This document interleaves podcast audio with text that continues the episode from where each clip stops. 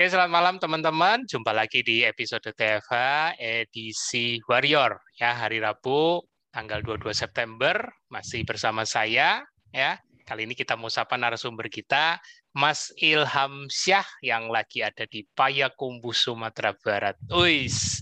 Selamat malam Mas. lagi ada di kampung halaman. Oh, tadi udah sempat dikasih lihat tuh uh, lagi di atas uh, apa ini rumah tingkat. Aduh, pemandangannya enak bener, sepoi. Uh, jangan ditunjukin lagi mas, nanti jadi kepengen saya ke sono. udah enough. mas, terima kasih udah bersedia mau berbagi uh, di episode TFH jujur saya melihat postingan Mas Ilham cukup menginspirasi ya Uh, kalau nggak salah sudah berapa tahun mas berKF? Saya September ini persis satu tahun mas. Yang satu tahun ya. Benar-benar uh, taat protokol ya. Ah. Meskipun saya harus jujur ada sekali dua kali kejebolan. Asik. Kayak yang kayak gini nih seneng aku. Pasti ada sesuatu up and down.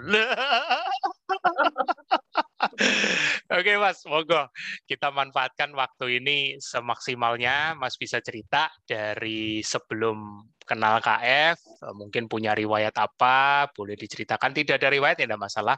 Terus apa yang membuat kenal KF dan apa yang alasan utama Mas eh, mau ber-KF ya kemudian manfaat yang didapat dan pastinya itu tadi yang seru up and down-nya berKF selama setahun termasuk yang tadi taat dan tidak taat itu mas semoga mas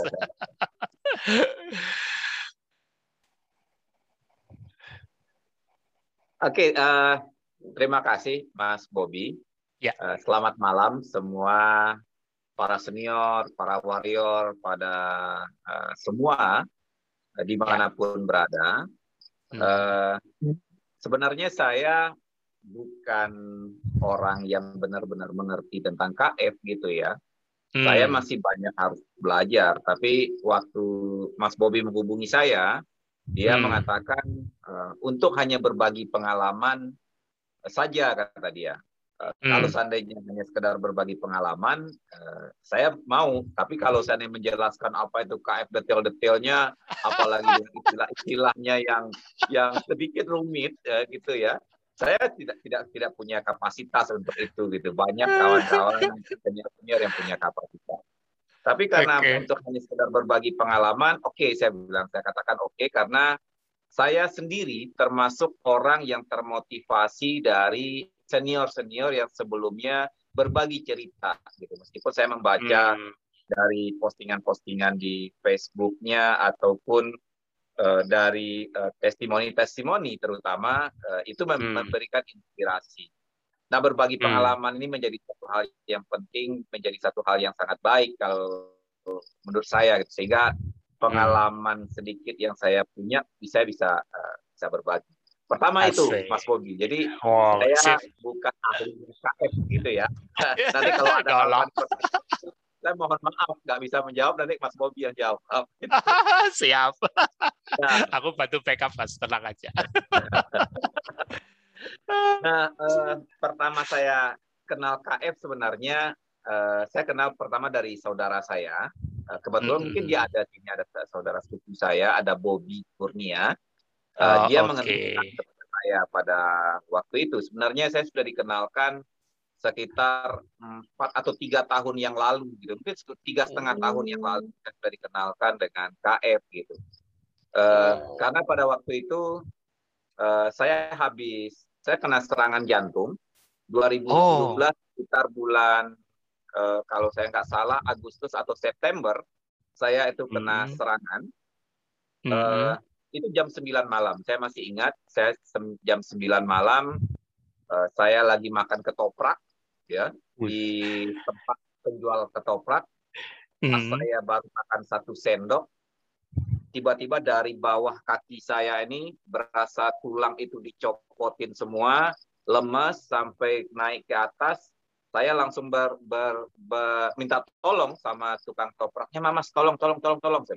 Saya langsung dipegangin. Hmm ya sampai ke atas udah gelap. Jadi dari bawah ya hmm. dari bawah kayak kita tulang kayak lemas aja mas jadi kayak apa namanya daging nggak ada tulang gitu ya ah, iya tolong, kayak tolong, tolong, tolong, tolong saya saya bilang nah saya iya. saya langsung dipegangi lalu hmm, saya dipap hmm.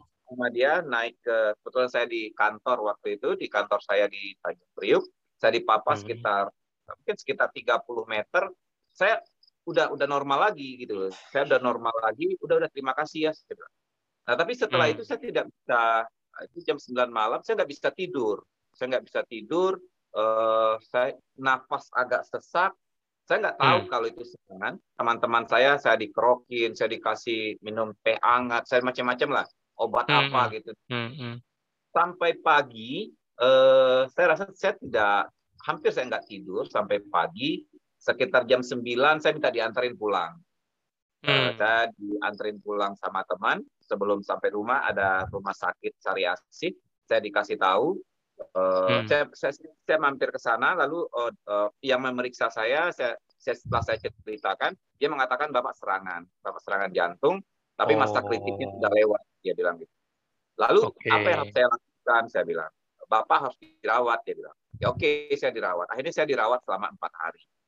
Nah hmm. setelah hmm. saya serangan itu, dokter sempat bilang pada waktu itu uh, sudah umur berapa? Dia bilang gitu kan. Waktu itu umur sudah 45 lewat gitu. Dia bilang hmm. sudah cukup ya. Uh, kan sudah merasa 45 uh, eh, tahun merasakan yang enak kata dia. Jadi dia bilang nggak usah makan nasi lagi. Dia bilang gitu pertama. Jangan nasi. Cuma nasi saja. Dia bilang oh. karena uh, apa namanya gula da triglycerid saya tuh uh, tinggi darah kental uh, dia oh, bilang okay. pada waktu itu tidak makan nasi saja saya kasih obat lalu saya dikasih perawat jalan. Ada sekitar dua minggu, satu bulan setelah itu nafas belum belum stabil, kadang-kadang uh, susah menarik nafas, hmm. Hmm. nyampe kayak, nah kan nggak nyampe kita nafas itu ada hmm. berasa. Hmm. Nah setelah itu saya mulai uh, dikasih tahu sama saudara saya untuk dikenalkan dengan KF. Saya hmm. belum begitu yakin, belum begitu, tapi saya sudah rendah karbo lah gitu ya. Nasi mm -hmm. saya sudah enggak, tapi yang lain-lain selain nasi semua masih masuk. dan, masanya nggak ada gitu, semua buah apa segala macam selain nasi masih masuk. Iya. Nah jadi pas sekitar satu tahun yang kemarin, uh, tepatnya mm -hmm. itu mungkin sekitar bulan Juli, saya mm -hmm. dada saya itu setiap kali saya bangun, dada saya ini terasa agak nyesak. Mm. Saya langsung sehari dua hari seminggu nih ini ada yang nggak beres saya bilang saya nggak mau hmm. serangan lagi karena alhamdulillah kemarin saya masih bisa selamat gitu ya iya, nanti ditolong dari lewat ah, selesai saya langsung hmm. ke rumah sakit harapan kita waktu itu mas hmm. Langsung saya ini harus periksa uh, detail saya dari awal lagi saya masuk ke rumah sakit harapan kita saya hmm, diperiksa hmm. sampai saya kateter terakhir memang ada penyempitan di di tiga tempat. Jadi hmm. yang sebelah kiri itu itu penyempitannya itu 70 persen, yang di sebelah hmm. kanan itu 30 persen, lalu hmm. yang di bagian bawah itu sudah tertutup, tersumbat. Uh, yang di bagian bawah. Hmm. Lalu setelah saya konsultasi sama dokter, dokter dokter mengatakan ini harus pasang eh, apa istilahnya pasang ring, gitu ring. ya. Ya, pasang ring harus harus pasang dia bilang. Yang pertama yang harus dipasang itu yang 70%. Kalau yang hmm. 30% tidak usah nggak apa-apa dia bilang. Lalu yang di hmm. bawah kalau bisa kita tebus, kita pasang. Tapi kalau nggak bisa kita tebus, kita nggak usah pasang katanya. Karena hmm. itu cuma hanya 8% dari fungsi jantung. Itu kata dokternya. Oh, Oke, okay, okay. saya saya uh, saya iya kan, saya sudah siapkan untuk uh, operasi dan mm -hmm. saya sudah punya jadwal, saya sudah punya jadwal. Tapi selama itu saya berpikir, mas, saya banyak membaca lagi kenapa ya mm. kalau saat kita nggak pasang uh, resikonya besar. Kalau saya pasang juga ada resiko. Pertama saya baca-baca resiko ada serangan pada saat resiko ada uh, namanya sesuatu benda yang dimasukkan ke dalam tubuh ya. kadang-kadang yeah. punya alergi gitu ya. Yeah. Lalu yang menjadi hal yang kepikir sama saya, saya tanyakan yang membuat penyempitan di pembuluh itu kan lemak. Hmm. Lemak itu yang menekan pembuluh. Kalau mm -hmm. seandainya kita pasang uh, ring, iya. artinya yeah. itu kan lemak kan bisa dikatakan bukan benda padat gitu ya karena dia elastis sifatnya elastis pasang ring dia mengembang. Nah kalau dia mengembang tentulah dia cuma hanya ke samping larinya ke samping kiri dan samping kanan dan dia kan tidak tidak ter, tidak hilang gitu ya. Hmm, saya hmm. karena abang saya eh, saudara saudara kandung saya kakak saya abang saya itu hmm. sudah pasang kalau nggak salah terakhir waktu lebaran lima atau tujuh dia sudah pasang. Hmm. Artinya eh, kalau misalnya apalagi pola makan tidak terjaga dan lemak itu kan dia tidak hilang di sini. Nah, saya berpikir eh, KF itu sempat mengatakan itu penghancuran lemak, penghancuran lemak. Nah, dari situ saya mulai tekun belajar, saya ngikutin ada TFH-nya, ada Mas Tio. Saya sempat waktu itu hmm. mengetik dan Mas Bobi waktu itu menyampaikan kepada Mas Tio menanyakan apakah hmm. Penyempitan di pembuluh itu bisa hilang? Saya sempat menanyakan itu hmm. uh, pada waktu itu. Hmm. Dan akhirnya setelah saya pertimbangkan sorry sorry suaranya ya oke okay. setelah uh, pertimbangkan apa mas tadi bisa diulang uh, salah satu menurut ya saya kan juga awam Kenapa? Bisa iya, diulang ya, dari saya, kata akhirnya mempertimbangkan. Hmm, hmm. Ya, ya, uh, ya. Setelah saya pikir-pikir, saya pertimbangkan matang-matang, akhirnya saya memutuskan untuk tidak uh, memasang uh, ring.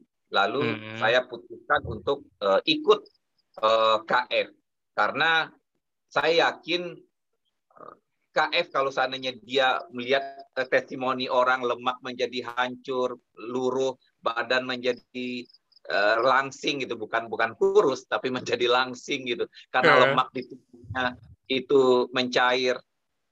Saya ya kalau lemak di perut, di pantat, di lengan, di pipi, hmm. di mana semua cair, tentulah di dalam organ tubuh juga akan bisa mencair saya pikirannya seperti itu saja gitu karena saya orang nggak begitu mengerti gitu ya masa lemak yeah. yang bisa luruh masa lemak yang di dalam tubuh nggak luruh gitu hmm. saya bermodalkan keyakinan ya yakin karena juga banyak membaca dan mendengarkan dari hmm. dari Mas Bobi sendiri dari Mas Tio dan uh, ya, yang lain-lain gitu ya akhirnya saya memutuskan saya ikut KF itu saya hmm. memutuskan tujuh hari setel sebelum saya menjalani uh, operasi karena saya sudah punya jadwal pada Jadi kalau saya nggak salah tuh tanggal 30 apa tanggal 1 September saya memulai KF. Jadi sekarang hmm. ini posisi satu bulan. Hmm, hmm, nah, hmm, hmm, itu pertama uh, kenapa akhirnya saya uh, mengambil pilihan KF karena ada ya itu tadi penyakit kronis yang saya uh, alami dan hmm. saya ya seperti kawan-kawan yang lain ikhtiar untuk sembuh niat untuk sembuh itu niat untuk tetap hidup masih untuk bisa terus hidup itu yang membuat uh, saya bis, uh, bisa menahan karena kan KF bagaimanapun banyak ditahan eh, hal-hal yang menurut kita dulu nikmat gitu ya setelah itu kan harus kita tahan. Dan itu menjadi enteng. Saya nggak merasa merasa tertekan, saya nggak bisa makan ini, nggak bisa makan itu, gitu ya. Karena niat itu jauh lebih kuat. Saya jauh lebih punya uh, keinginan untuk tetap uh, sehat dan hidup, gitu ya. Dan hmm. kenikmatan lain juga masih bisa saya rasakan. Makanan-makanan yang enak-enak juga masih bisa dirasakan. Keren. Nah, itu latar belakang. Uh, akhirnya saya Oke, okay. aku aku rekap dikit ya Mas ya. Aku rekap dikit aku rekap dikit. Jadi ya, ya. Uh, Mas berarti awalnya sebenarnya tidak ada masalah mungkin ya dulunya ya tidak ada masalah, cuman tanpa sadar waktu itu uh, ngalamin serangan jantung ya dan baru dari situ uh, setelah diobservasi dan uh, apa ini dicek sama dokter barulah oh ketahuan nih ada ada penyumbatan, ada ini dan apa ini istilahnya eh, setelah observasi kedua ya, setelah observasi kedua baru diketahui eh, confirm ini ada penyumbatan nih ya yang menyebabkan uh, potensi serangan kedua ibaratnya gitu ya. Nah, setelah itu baru uh, Mas menimbang-nimbang walaupun sebenarnya Mas sudah melakukan ya sudah mengambil keputusan sementara untuk ya untuk antisipasi bagaimanapun harus dijadwal dan segala macam tapi eh Hamin 7 ternyata Mas memutuskan untuk ya sudah saya ber-KF ya kan supaya eh, hanya dengan keyakinan masa sih lemak yang di dalam nggak bisa luruh kalau lemak yang di luar yang di pipi perut paha pinggang dan segala macam bisa luruh. Ibaratnya gitu ya mas ya? Iya. ini ini keren. Dan dan walaupun ya eh, sampai detik ini pun ya dibilang dibilang tertekan sih sebenarnya tidak. Tapi justru mendapatkan kenikmatan lain tentunya ya. Nah ini boleh dibilang dari Jakarta ke Payakumbuh naik mobil ya ini luar biasa ini. Ya luar biasa stamina-nya sekarang sesuatu yang dulu mungkin nggak kepikiran ya. Dan dua, dua minggu ini tugas di Payakumbu di kampung halaman.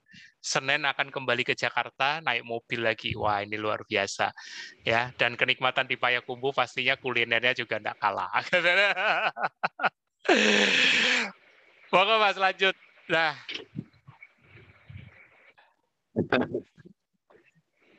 Ya, jadi uh, saya lanjut lagi pengalaman saya uh, setelah hmm. menjalani KS satu.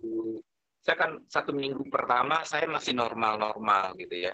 Saya hmm. tidak ada berata apa-apa gitu. Tapi hmm. setelah satu minggu, saya setiap malam sekitar hmm. mulai dari uh, malam sekitar jam 7, jam 8, jam 8 lah gitu, itu hmm. dada saya tuh nyeri dada kiri hmm. saya itu nyeri. Hmm. Jadi jam 8 kok ada berasa gitu ya. Nah, terus hmm. hilang. Tapi yang yang lamanya nyerinya itu, Mas, hmm. itu pagi subuh. Hmm. Ya, pagi subuh nanti sampai siang sampai sore itu dada saya nyeri. Di situ hmm. saya mulai hmm. panik. Saya mulai hmm. panik setiap saya mau tidur, saya makin stres. Ini karena tidak ada ya. Kalau seandainya yeah. saya, saya yang yang yang terpikir sama saya, apakah besok saya masih bisa bangun? Iya. Yeah. Apakah besok saya masih uh. bisa uh, karena apakah nanti malam ini takutnya ada serangan dan segala macam saya nggak bisa bangun. Itu yang yeah. terpikir yang membuat saya stres. Hmm. Dan hmm. tidur tidak apa namanya tidur tidak tidak nyaman pagi hmm. subuh sudah kebangun dada sudah nyeri-nyeri hmm, dan hmm, hmm, yang keempat saya saya sempat kalau nggak salah tuh dokter Wulan saya hmm, hmm. bertanya-tanya kepada orang ini apa yang terjadi sama saya hmm. kok dada saya nyeri tapi setelah saya misalnya kan saya puasanya waktu itu sampai baru sampai jam 12 gitu ya setelah hmm. saya jam 12 nanti agak sore itu hmm. dada nyeri saya itu mulai berkurang nah jam 8 hmm. nanti uh, terakhir itu sudah makin-makin berkurang, masih berasa, tapi nanti jam 9 mau tidur itu hilang, tapi hmm. nanti pagi subuh balik lagi. Hmm. Dan saya cemas, saya cemas, hmm. ya, wah ini bagaimana bagaimana solusinya. Nah waktu itu saya hmm. sempat telepon dikasih sama sama saudara saya Bobby itu, eh, Bobby hmm. Kurnia, teleponnya hmm. dokter Bulan saya konsultasi uh, sama dokter Bulan, saya sampaikan, saya ceritakan kondisi saya, dia menanyakan, apakah masih ada obat dari dokter, kata dia. Masih, saya bilang. Lalu saya foto, ada empat atau lima jenis obat pada waktu itu dari hmm. dokter. Lalu hmm. saya foto, saya kirim ke dia. Lalu hmm. dia mengatakan, uh, dua obat ini harus masih harus dimakan. Dia hmm. bilang, ini obat ini, ini harus tetap uh, dilanjutkan, kata dia kan. Uh, hmm. Oke, okay, saya bilang Nah, saya lanjutkan obat itu, tapi uh, secara umum tidak menghilangkan rasa nyeri itu dan saya hampir mungkin dua bulan merasakan itu. Hmm. Dua bulan saya merasa nyeri dan pada satu selesai itu dan itulah mungkin cobaan yang paling berat bagi saya karena itu kan yang ada di pikiran saya masih hidup atau enggak, ini ada serangan atau tidak. Ya, saya mencoba menghilangkan pikiran itu, tapi pikiran itu selalu muncul. Gitu, ya. selalu muncul, ya. Betul. Ya, kalau kalau dia berdenyut gitu kan, cut berdenyut, ya kita langsung kepikir ke sana. Menghilangkan aktivitas, tapi muncul lagi, muncul lagi. Gitu. Nah itu yang saya alami selama dua bulan, dan hmm. saya sempat agak sedikit tenang waktu itu uh, Om Gembong sebelum dia seperti sekarang saya juga yeah. sempat berkomunikasi dengan dia, lalu juga uh, Mas Bobby kalau saya nggak salah, saya juga hmm. sempat WA pada waktu itu. Kan orang yang bisa saya mintain pendapat pada waktu itu, uh, hmm. saya mintain mintain uh, pendapat gitu. Kenapa? Ini apa hmm. yang harus saya lakukan? Nah hmm. akhirnya ada yang mengatakan, oh ini HC, oh ini proses penyembuhan kata dia kan. itu agak sedikit membantu saya. Terus terang itu sedikit, ah mudah-mudahan karena dulu yang kena di sini mungkin apakah hmm. itu proses uh, proses uh, prosesnya gitu, peluruhan menyenangkan dan menenangkan pikiran ya karena ah, mudah-mudahan proses penyembuhan itu yeah. ini saya mau bertahan atau itu yang membuat saya bertahan bayangkan hmm. mas dua bulan saya hmm. merasakan nyeri seperti itu dan hmm. suatu pagi gitu ya tiba-tiba hmm. pagi kok dada saya plong saya bilang. Ah. dada saya nggak berasa apa-apa. Saya kasih tahu sama istri saya bun ini dada saya kok nggak ada rasa sakit sekarang? Saya bilang. Kok saya perasaannya plong? Saya bilang. Enteng hmm. saya bilang. Wah. Hmm. itu itu yang membuat itu hari pertama yang buat saya senang. Selama dua bulan saya seperti saya ya bisa dikatakan ya gimana tidak gitu ya ini penyakit jantung kalau seandainya kena serangan kita lewat selesai sudah gitu kan nah tapi saya mencoba untuk menguatkan dan apa ya hmm. menenangkan pikiran setelah oh ini proses HC-nya gitu mudah-mudahan hmm. saya bilang hmm. oh mudah-mudahan prosesnya gitu dan hmm. hmm. setelah itu saya uh, itu yang yang yang benar-benar berasa yang hampir setiap hari ya pada waktu selama dua bulan hampir setiap hari dan setelah hmm pagi itu dia mulai hilang. Tapi hmm. beberapa waktu setelah itu sempat muncul, beberapa hari setelah itu sempat muncul, dan lama-lama alhamdulillah uh, mulai hilang. Hmm. Nah dari situ sekitar empat bulan kalau saya nggak salah atau empat bulan atau lima bulan setelah proses itu, saya hmm. mulai mencoba untuk udah nggak ada rasa itu kan tapi saya kan olahraganya cuma jalan aja kemarin-kemarin jalan hmm. Hmm. Hmm. langkah itu pagi uh, setelah jalan ya sudah gitu. Nah setelah empat bulan atau lima bulan, saya mulai coba uh, angkat-angkat barbel. Saya coba saya rasa rasain gitu. Hmm. Tapi masih berasa. Pada waktu itu masih berasa uh, sehari nggak berasa, dua hari, hari ketiga mulai berasa agak berdenyut. Saya hentikan. Hmm. Saya hentikan hmm. lagi hmm. hmm. dan uh, ya lama. Baru saya kemarin mencoba lagi sekitar tiga bulan semenjak ppkm yang kemarin saya coba uh, lagi, uh. saya coba lagi angkat. Alhamdulillah enteng. Maksudnya enggak. ya alhamdulillah maksudnya enggak kayak sebelumnya kan nyeri kan saya hentikan uh, karena berasa itu barang rasain terus. Nah, kalau hmm. berasa nyeri saya hentikan gitu. Nah hmm. cuman tiga bulan terakhir uh, saya hmm. coba angkat-angkat lagi, saya coba push up gitu, saya coba uh, main sansa. Uh, hmm alhamdulillah nggak nggak nggak berasa gitu. Nggak ada denyut ya nggak berdenyut. Nggak nyeri gitu loh mas. Jangan jangan nyoba gitu. Berasa nggak terasa nah itu ya makanya saya bikin uh, sedikit testimoni. Ya saling karena saya merasa juga saya terbantu dari banyak pengakuan testimoni kawan-kawan yang sebelum saya ada senior senior warrior hmm. yang lainnya. Makanya yaitu yang saya bilang karena diminta sama uh, Mas Bobi cuma hanya untuk berbagi pengalaman, oke okay, itu itulah mungkin pengalaman singkatnya gitu. tapi tapi tapi menginspirasi sungguh. Ini berbicara karena aku tadi waktu dengar dua bulan bergumul dengan uh, proses itu ya HC HC dan sekaligus ya. adaptasi itu ya itu itu tidak mudah ya maksudnya uh, ada banyak mungkin mungkin selain Mas Ilham uh, bisa bisa mengalami hal yang berbeda, ending yang berbeda ya kan? Karena uh, apa istilahnya? Uh, tiap orang itu akan diuji di situ kalau aku bilang. Jadi akan diuji di situnya pada saat dia eh, mengalami proses eh, pembersihan, proses apa istilahnya pem, pem, apa pengembalian ke kondisi sebelumnya itu itu itu menguji nyali kalau aku bilang. Jadi menguji menguji komitmen kita, menguji niatan awal kita ya kan. Yang mungkin di yang tadi Mas Ilham cerita di awal juga paling bas, apa hmm. dasar kuatnya kan masa sih lemak yang di luar bisa kurus yang di dalam udah ikut luruh ibaratnya gitu. Ya.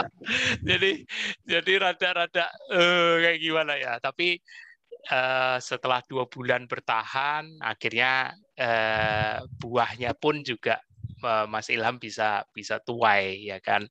Apa yang Mas Ilham tabur itu uh, membuahkan hasil. Dan dan itu ternyata uh, tidak berhenti di situ. Karena Mas Ilham juga tidak langsung ya aku tadi tangkap tidak langsung untuk langsung membebani diri.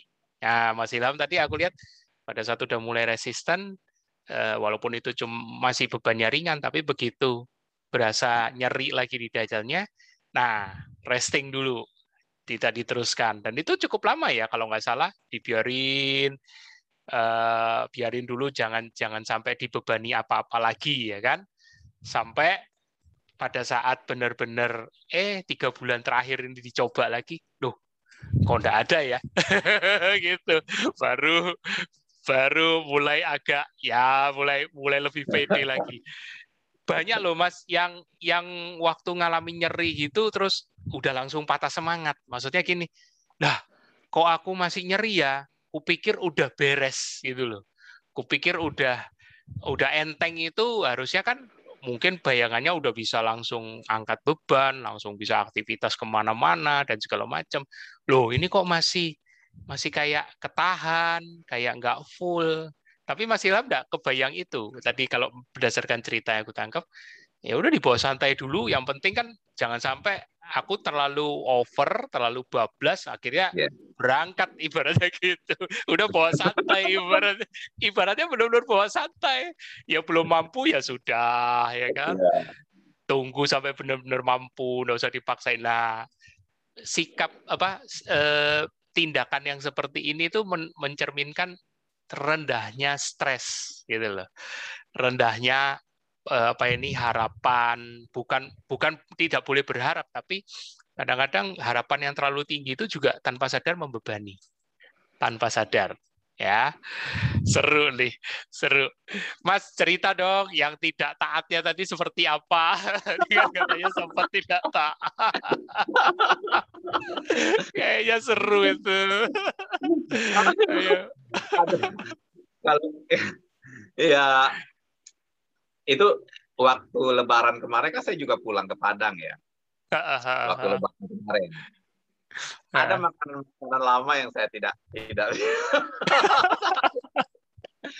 tapi rasain mas. Jadi maksud saya itu kan makanan saya ada ketan ketan pakai sari kaya.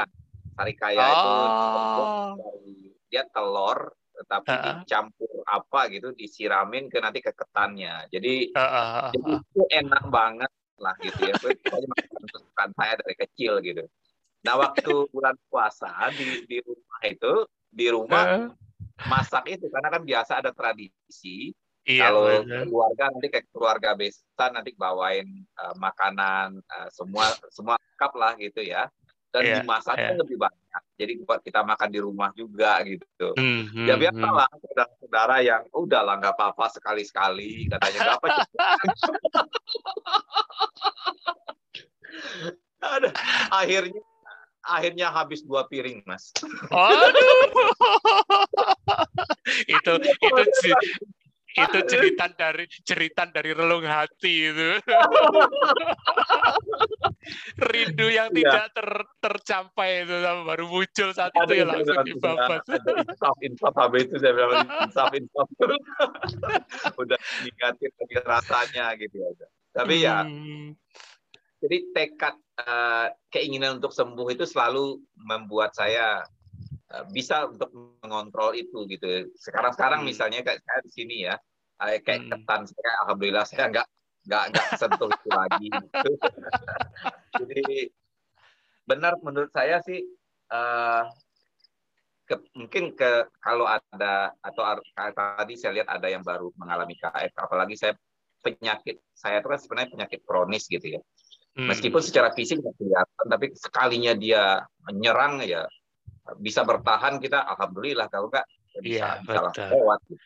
Betul. Dan betul. itu yang membuat motivasi saya kenapa saya lebih memilih untuk lebih bertahan dan lebih disiplin untuk hmm. tidak menyentuh hal-hal yang yang karena gaya hidup saya dulu itu berantakan mas saya hmm. usia saya sekarang ini 49 jalan 50 uh, bulan hmm. Mei besok ini saya 10 tahun jadi hmm. masa muda saya mulai dari SMA kuliah sampai saya serangan kemarin hmm. itu saya hidup gaya hidup saya itu berantakan banget jadi saya jarang pulang saya kebetulan aktivitas saya kan dari dari muda kan saya uh, saya aktivis gitu ya. Saya dulu hmm. uh, bergabung bersama organisasi-organisasi dari dari mahasiswa dulu solidaritas hmm. demokrasi, Partai Rakyat hmm. Demokratis, sempat hmm. kita menjadi buronan gitu gaya hidup selalu berpindah-pindah dan hmm. selalu hmm. kita tuh di sekretariat gitu. Hmm. Tidur biasanya jam 2, jam 3 baru tidur. Hmm. tidur hmm. makan Indomie sama nasi pagi dan itu saya jalanin bayangkan saja dari saya kuliah dari bahkan dari SMA udah Bandung gitu ya hmm. sampai empat tahun terakhir baru setelah saya hmm. serang itu saya itu baru hmm. rutin hampir setiap malam saya pulang hmm. sebelumnya saya pulang ke rumah gitu paling eh, dalam seminggu dua hari tapi saya biasa hidup di, di tengah keramaian di kalau di kantor eh, sekretariat istilah kita itu kan selalu ramai orang gitu ya hmm. dan terbiasa hidup seperti itu dan pola hidupnya wajar saya bilang kenapa saya dapat serangan seperti ini ya karena hmm. saya hampir setengah dari uh, hidup saya saya menjalani gaya hidup seperti itu dan hmm. saya bilang ah, terima kasih Tuhan saya bilang saya masih diberi kesempatan eh, terima kasih saya masih uh, di ya diberi kesempatan untuk memperbaiki gitu ya hmm, meskipun hmm. hmm. orang bilang nggak ada istilah terlambat gitu saya meskipun dalam usia sekarang saya mencoba buat uh, menjalani gaya hidup yang yang yang sehat lah.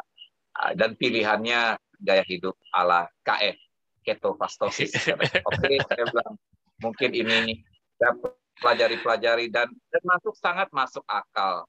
Saya tidak bisa hmm. menjelaskan secara rinci, tapi dari banyak uh, literasi atau tulisan-tulisannya saya apa meyakini dan itu bisa sangat ilmiah gitu bisa dipertanggungjawabkan hmm. ya kayak misalnya bagaimana proses uh, umat manusia ini dari awal memang tidak pernah memakan karbo karena kita memang dari zaman purba dulu makannya hewan buruan sudah terbiasa dengan uh, makanan seperti itu gitu dan hmm.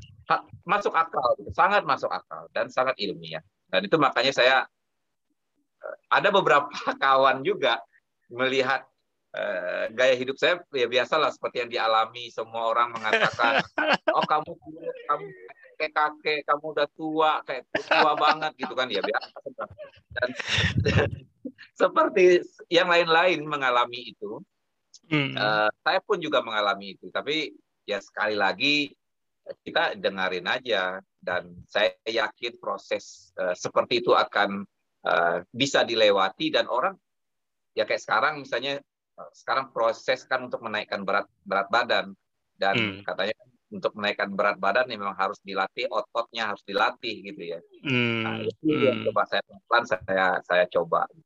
Hmm, hmm. Keren, keren, keren. Nggak apa-apa, Mas. Keje apa? Eh, uh, istilahnya kalau orang Jawa bilang kejeblos ya, kejeblos di ketan sari kaya it's okay. Itu bagi itu itu bagian dari apa yang membentuk Mas Ilham sekarang. Tapi mungkin teman-teman yang yang nanti menonton rekaman ini pasti juga bertanya-tanya efeknya gimana tuh Mas? Dua piring habis.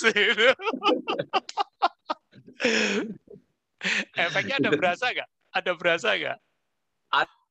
Ada Mas. Jadi Nah ini satu lagi nih, saya makan ketan sarikaya sama satu lagi buah sirsak. Oh. It's Dan okay. sampai saya pulang, sampai saya balik, kalau saya di efeknya itu di leher saya. Ah, leher saya berat tegang. Ah, ah, ah, ah. Ini apa eh, darah tinggi atau apa? Saya bilang, wah ini darah ketan sama sirsak ini saya bilang. Dan itu lumayan lama. Saya sampai yeah.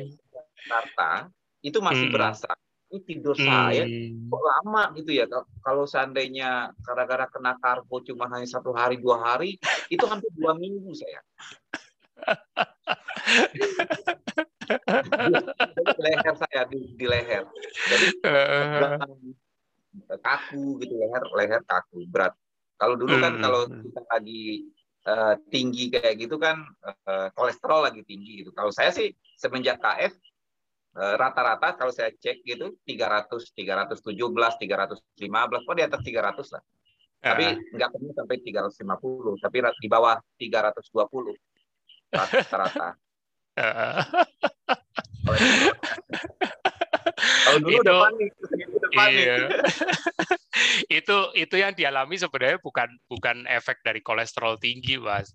Itu murni yeah. dari inflamasi itu, inflamasi. Jadi yang dirasakan di tengkuk itu bukan kolesterol tapi eh, apa ini respon dari peradangannya inflamasi yang yang diakibatkan dari mana bukan dari imun tapi efek dari glukosanya jadi hmm. glukosa yang eh, masuk mendadak di kondisi badan mas itu sudah sudah ketosis itu kayak eh, kayak mas biasanya sudah biasa pakai Eh, badannya udah pakai lemak gitu ya untuk bakar untuk untuk bakar sebagai energi. Begitu ada glukosa lewat mm, di di aliran darah dari pencernaan masuk itu kayak kayak nggak langsung diambil.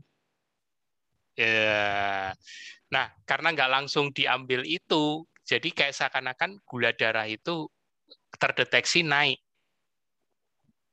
Nah, itu loh Mas. Jadi efek dibiarkannya gula gula yang beredar di darah ini tadi, yang berasal dari makanan, glukosa ini, efeknya itu inflamasi. Itu tadi. Jadi makanya jadi kadang ada yang berasa sakit di sini, ada yang berasa apa mual, lambungnya jadi ini, atau ada yang malah diare, ada yang sakit kepala, ya kan. Itu. Jadi itu sebenarnya kalau penjelasan uh, apa ini penjelasan teknisnya. Jadi kadang-kadang orang mikir wah kolesterolku naik ini bukan. itu murni ya, dari ya. nanti nanti lama-lama glukosanya turun karena udah bisa diambil sama selnya. Nah, tapi kondisinya bisa bisa beda-beda nih tiap orang. Kalau di Mas Ilham kenapa sampai lama begitu? Karena sel-selnya pun kan juga eh, belum 100% recover ya belum belum 100% eh, regenerasi atau apa pun lah istilahnya belum kembali fit 100% ibarat mesin. Jadi masih di kisaran 60% atau 65 eh udah kemasukan glukosa lagi ibaratnya gitu. Jadi kayak stall di situ. Ya, jadi progresnya harusnya makin membaik, makin enteng ini kayak tertahan dan sempet ya mengganggu tidur, ya kan tidurnya ya. jadi nggak terlalu enak. Tapi menarik ya. Jadi ternyata ya, tapi, ada. Uh, saya kan juga belum bisa mengatakan mengklaim diri saya ini sudah sembuh ya Mas ya, karena ya, kalau menurut saya, ya. uh, maksud saya tuh uh, kita kan kalau seandainya untuk mendeteksi kembali apakah masih ada penyempitan atau tidak, tentu harus kateter lagi secara yang, Setuju. yang bisa membuktikan kan. Setuju, Dan, betul. Uh, uh, jadi ya, uh, siapa pun lah gitu ya yang yang ikut hmm. kajian kita yang ada pada hari ini, saya tidak mengklaim, tapi saya mencoba merasakan saja kepada fisik yes. saya dan yes. selama ini saya tidak lagi ada, saya tidak ada konsumsi obat gitu ya Hmm. Uh, semenjak uh, tiga bulan setelah saya KF, waktu dokter Ulan menyarankan untuk masih memakan dua obat pada waktu itu, habis hmm. obat itu nyeri di dada saya itu sudah hilang semenjak hilang itu saya sudah nggak ada makan hmm. obat hmm. apa apa. dan hmm. uh, saya sudah normal dan terutama yang dalam empat bulan terakhir ini atau lima bulan terakhir ini dan hmm. saya juga saya kayak waktu Lebaran saya ikut membantu di waktu di kampung waktu pulang kampung waktu Lebaran dulu kan lagi bikin jalan bikin dam angkat karung bawa gerobak oh. uh, saya masih nyaman saja gitu karena tapi saya tetap selalu akan selalu berpikir kan kalau seandainya saya agak sedikit berasa saja apa pun gitu efek ke badan saya hentikan yeah. gitu ya nah, jadi betul dari betul. itu saya, saya mendet, mencoba mendeteksi tubuh saya apakah ini sudah baik atau apa belumnya saya cuma hanya dari situ gitu jadi kalau yes. secara medis kan saya harus ke dokter lagi betul. kateter lagi adanya minta betul. kateter aja kan betul. mahal mas. dokter kateter aja gitu kan, tolong di kateter aja untuk operasikan gitu kan. Dari, daripada uangnya buat kateter, mending nungguin ditabung kali aja ada ketat keto ya mas ya. Iya. Tapi kita coba kita merasa rasakan ke, ke tubuh kita. Saya coba dari situ saja sinyal kalau ada sinyal yang tidak baik uh, saya coba saya hentikan waktu pertama itu dulu empat bulan lima bulan saya KF saya coba angkat barbel kan. Ya. Ada sinyal yang berasa ya saya hentikan. Nah ya, itu saja betul. jadi jadi eh, sekali lagi saya tidak bisa mengklaim bahwa itu hilang dengan uh, tapi saya tapi saya yakin nah, ya. Hmm. kenapa saya yakin? Karena itu lemak. Lemak itu satu benda yang memang ya dalam ilmu teorinya KF itu kan gampang cair, dipanasin, dipanasin terus uh, dia akan mencair, dipanasin terus, dipanasin terus, jadi bawa beraktivitas maksudnya kan, dia akan mencair. Dan mungkin yang di dalam organ tubuh itu mungkin agak lebih lama karena kan penumpukan di sana kan juga biasanya kalau menurut juga yang saya baca-baca sudah terakhir-terakhir sebelum di perut, di pinggang, di mana kalau udah penuh lagi nanti baru di organ tubuh gitu.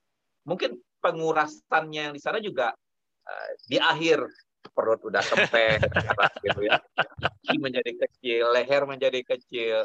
Kalau di situ juga udah mulai habis tentu yang di dalam yang di yang di jadi tahun dua tahun gitu ya juga untuk menghabisinya karena penumpukannya juga bertahun-tahun gitu di sana.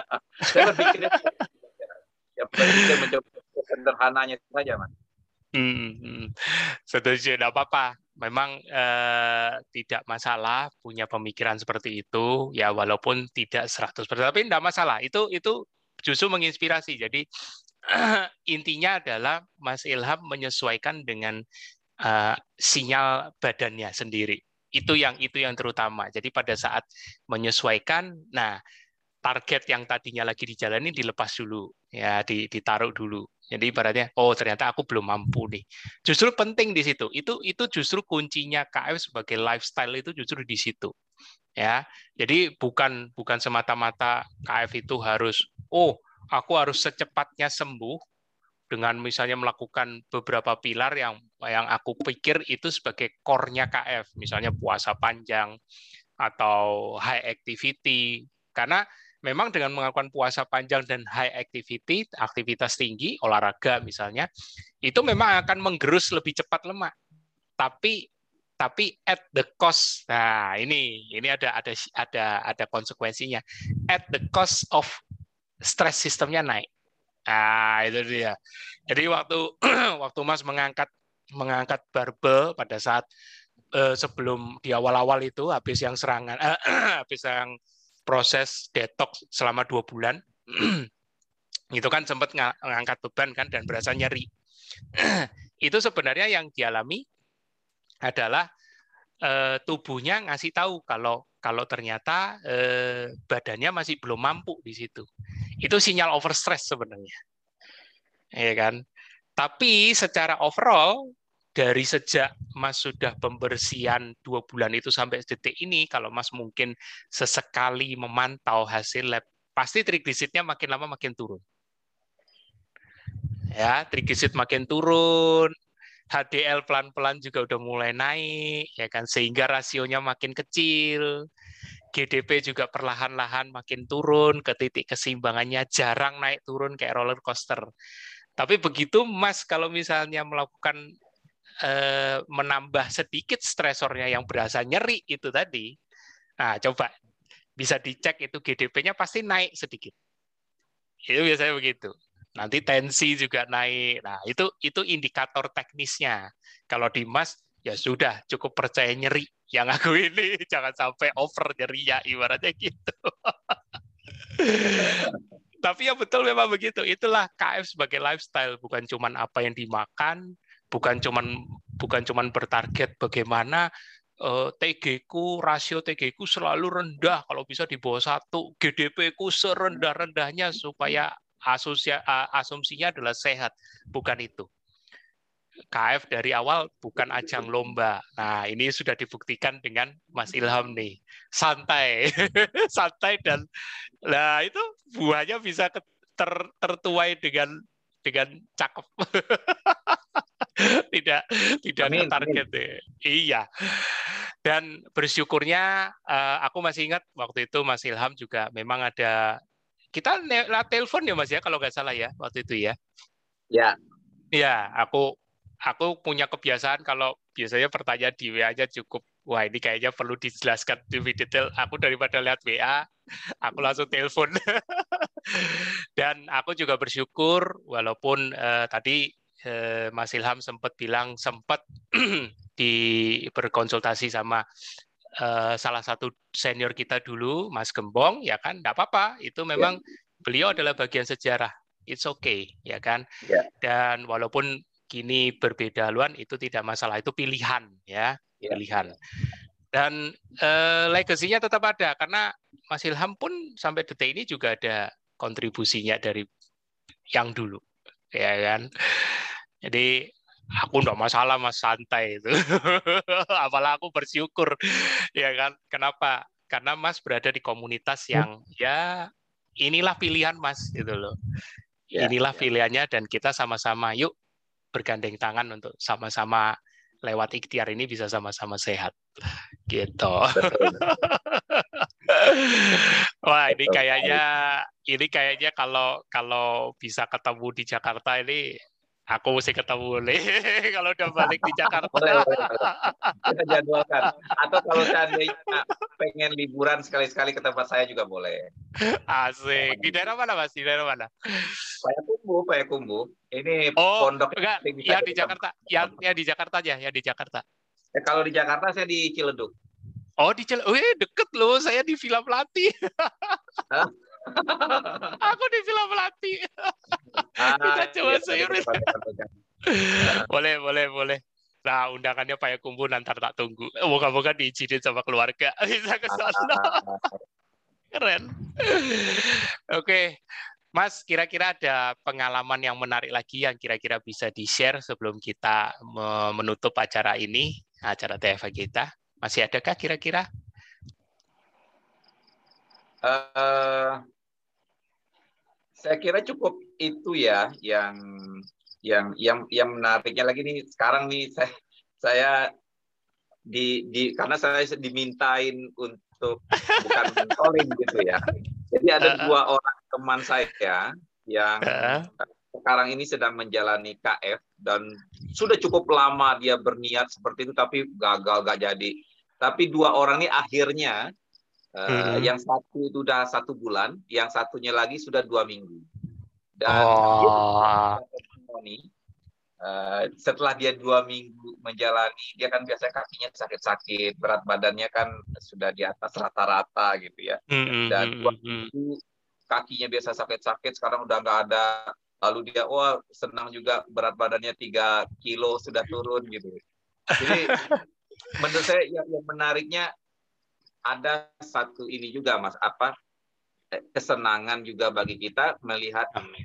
kawan kita yang akhirnya menjadi menjadi lebih baik kan ya sama seperti yang saya alami gitu ya saya mendapatkan banyak pengalaman dari senior senior sebelumnya dari orang sebelum saya yang mau berbagi hmm. Hmm. hanya itu saja kita pengen berbagi kepada yang lain dan memang berbagi itu memang uh, kepuasan dan kenikmatan, kebahagiaan bagi kita. Amin, amin, amin.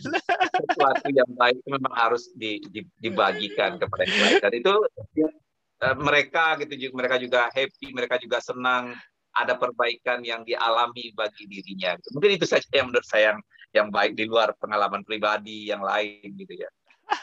keren keren. Ngomong-ngomong tadi Mas Ilham berbagi ya kan ada dua teman kerjanya yang sudah ini aku kayaknya jadi teringat uh, sepupu sepupunya Mas Ilham nih. Aku mau undang di Mas Bobi Kurnia. Halo Mas Bobi. Ada dia ada, ada Bobi. Mas Bobi Kurnia bersedia nggak untuk ikut timbrung untuk ikut timbrung nih. Moga Mas Bobi ayo Ya Mas. Ayo, Mas Malam. Ya, malam. Ini kenapa foto ininya nggak kelihatan ya kameranya ya? Wah, kenapa nih? Sayang. Tapi tidak apa-apa, tidak apa-apa. Ayo, ini ini kayaknya kalau kalau Mas Hobi dulu uh, yang menyemangati, yang menyemangati, menginspirasi Maliham nih. Nah, sekarang aku mau mau tahu nih komentar ya Mas Hobi melihat melihat Mas Ilham seperti sekarang gimana Mas? Monggo Mas. Wah, kalau komentar saya luar biasa Mas. Ya, jadi komitmen ya, ya jadi kan sebenarnya uh, kalau Mas Ilham kan memang ya dia kan senang membaca, dia juga uh, pasti mencari informasi-informasi ya. Kalau saya kan uh, cuma kasih tahu aja kalau karena kan kebetulan saya kan juga jalanin keto udah lama ya, udah uh, uh, bertahun-tahun juga kan. Jadi uh, udah uh, uh, apa dampaknya seperti apa. Kebetulan kan uh, abang saya yang sepupu juga Denny itu juga udah dua tahun ya udah dua tahun hmm. terus uh, hmm. Mas Ilham juga kenal ya kita bersaudara lah gitu kan. Kenapa waktu pas uh, Mas Ilham masuk rumah sakit saya kan ke sana kan ke Sari Asi kita lihat ke sana ah. jadi oh wah kayak saya udah langsung di pas uh, dengar kena serangan jantung wah ini udah harus keto nih dalam pikiran saya gitu kan. ya karena ya seperti yang dibilang tadi kan kalau istilahnya itu kan glukosa kan glukosa yang yeah, yeah. yang lama gitu kan ya ya yeah. satu-satu jalan ya kita udah ngelihat uh, testimoni-testimoni bahwa ya dengan keto asal kita memang menjalani protokol ya pasti akan jalanin yang kayak tadi kan dua yeah. bulan ngerasain ngerasain HC lah apa gitu kan. Nah, nah. Mas Mas Sofi ngomongin tadi sempat disebut dua bulan e, mendengar Mas Ilham itu. Kan kita nggak tahu waktu itu ya Mas Sofi juga nggak tahu bakal dua bulan. Masih dalam waktu satu bulan itu apa enggak kebat kebit mas perasaan mas Bobi juga ini, ini kok belum ya, beres-beres ya, ya kan kadang-kadang kan uh, suka WA ini kenapa ya Bob ya makanya kan kalau saya kan makanya kan kasih nomor telepon Mas Tio, Mas Bobi, macam-macam, Dokter Wulan, siapa pun yang saya kenal kan yang bisa kan langsung berkomunikasi supaya tidak jadi perantara kan saya kan. Nah, ternyata akhirnya kita nih yeah. jadi balas nih Tio gitu. Jadi uh, macam-macam gitu kan. Jadi memang pengalaman-pengalaman seperti ini itu memang ya terus apalagi saya lihat sekarang kan Oh, kalau udah kalau dia kan suka buka baju itu, badannya udah kotak-kotak. Oh. Nah, itu itu foto yang baju silakan lihat di wall wallnya Mas Ilham ya, iya. ya bagi yang teman-teman ingin lihat. iya. Jadi jangan di take down, kalau, jangan di take down. Kalau ketemuan kalau ketemuan sama saya, ketemuan kan dia udah bawa bekal tuh. Telur, terus ayam itu untuk makan satu hari. Jadi refill. Jadi udah benar-benar hewani itu semua udah terpenuhi gitu loh, nggak perlu lagi makanan yang lain gitu loh. Dan Keren. dia masih gitu. Keren. Akhirnya Mas Bobi Kurdia pun sebagai mentornya dulu juga ikut merasakan kepuasan ya pada saat Mas ya, Ilhamnya sudah sudah bisa melewati dua bulan HC, kemudian lihat sekarang ini sampai akhirnya bisa nyetir sendiri ke Payakumbuh. Wah, ini ini kayak berita baik yang tidak putus-putus. Iya. makanya kan kalau makanya kan waktu dia bilang mau pulang ke Padang bawa mobil sendiri sih menurut saya kalau kita keto nggak ada masalah saya ke hmm. waktu itu sempat ke Jogja ke mana itu nggak pernah ngerasain ngantuk ya. Pergi ke hmm. Indramayu bolak-balik itu kok nggak ngantuk-ngantuk gitu loh. Nggak ada sama sekali gitu loh. Nah, beda beda. Uh, Oke, okay. thank you, thank you Mas Bobi ya sudah menginspirasi. Nah, Bobi, kayaknya kayaknya Mas Bobi siap-siap ya nanti berbagi testimoni ya. Oh iya, insya Allah. Terima kasih Bobi. Sama-sama nanti jadi jadi menginspirasi juga jadi testimoni. Keren. Mas Ilham, kita sudah sampai di penghujung ya. Uh, monggo bisa kasih closing statement buat teman-teman yang nanti akan menyimak video ini, ya kan? Eh, pesan dan mungkin kata-kata motivasi yang bisa menguatkan supaya mereka bisa lebih yakin, mereka tidak mudah galau atau apa pun itu. Silakan Mas, monggo. Ya, uh, kalau saya kita memang harus memilih karena gaya hidup sehat itu hanya bisa kita wujudkan kalau seandainya ada niat yang kuat di dalam diri kita niat itu pasti niat ingin sehat, niat ingin hidup lebih lama, niat ingin berbuat sesuatu untuk kebaikan lebih lama. Dan hidup bersama dengan eh, saudara-saudara kita yang tersayang, keluarga kita tersayang, kawan-kawan kita, dan yang lain-lain. Itu memotivasi kita untuk uh, berani mengambil pilihan di luar yang mainstream pada hari ini dengan gaya hidup kita ini. Dan hmm dengan cara begitu, dengan niat yang cukup, yang kuat itu, kita akan mampu melewati berbagai macam godaan demi godaan gitu ya. Hmm. Baik itu godaan makanan maupun godaan orang terhadap perubahan fisik kita. Hmm. Yang yang kita lebih kelihatan lebih tua karena kulit menjadi keriput karena ya namanya saya bilang ibarat balon habis ditiup uh, pasti kempes gitu sama kayak kulit kita gemuk lalu mengempes tapi dia pasti akan ada sel-sel tubuh kita pasti akan memperbaharui kembali dong tapi pasti butuh waktu. Setahun dua hmm. tahun dia akan kembali baik lagi. Dan bagi kawan-kawan atau saudara-saudara yang mau nanti menjalani hidup KF kuatkan niatnya. Niat yang harus kuat. Insya Allah kita bisa hidup sehat bersama dengan KF terima kasih Mas Bobi keren thank you. Thank you luar biasa. Aku cuma tambahin satu hal ya. Pastikan ada di komunitas yang tepat. Karena apa? Teman-teman tidak mengal- menjalaninya sendirian. Ah, tadi tadi sempat dikasih klunya sama Mas Bobi Kurnia yang menginspirasi Mas Ilham bahwa eh, Mas Ilham itu eh, apa istilahnya? Mas Ilham itu orangnya suka mencari tahu, suka membaca, ya, dan tidak malu bertanya. Nah, jadi tidak usah sungkan, pastikan teman-teman ada di komunitas yang tepat. Ya, tidak masalah bertanya, jangan ragu.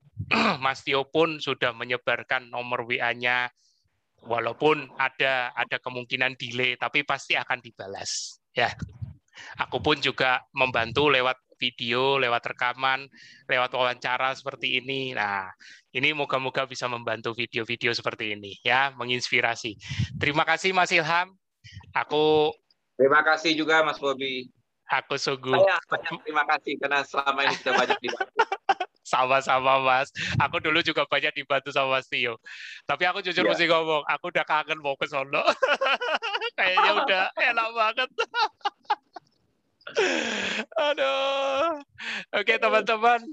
Uh, bagaimanapun waktu juga yang membatasi, tapi kita masih ada satu TFH lagi di minggu ini bersama Mas Tio dengan Nakes. Tentunya masih di TFH di channel YouTube kita juga nantinya pasti, pasti akan diposting.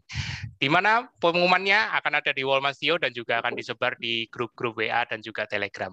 Ya, sampai jumpa dan selamat malam teman-teman. Dadah. Selamat malam. Thank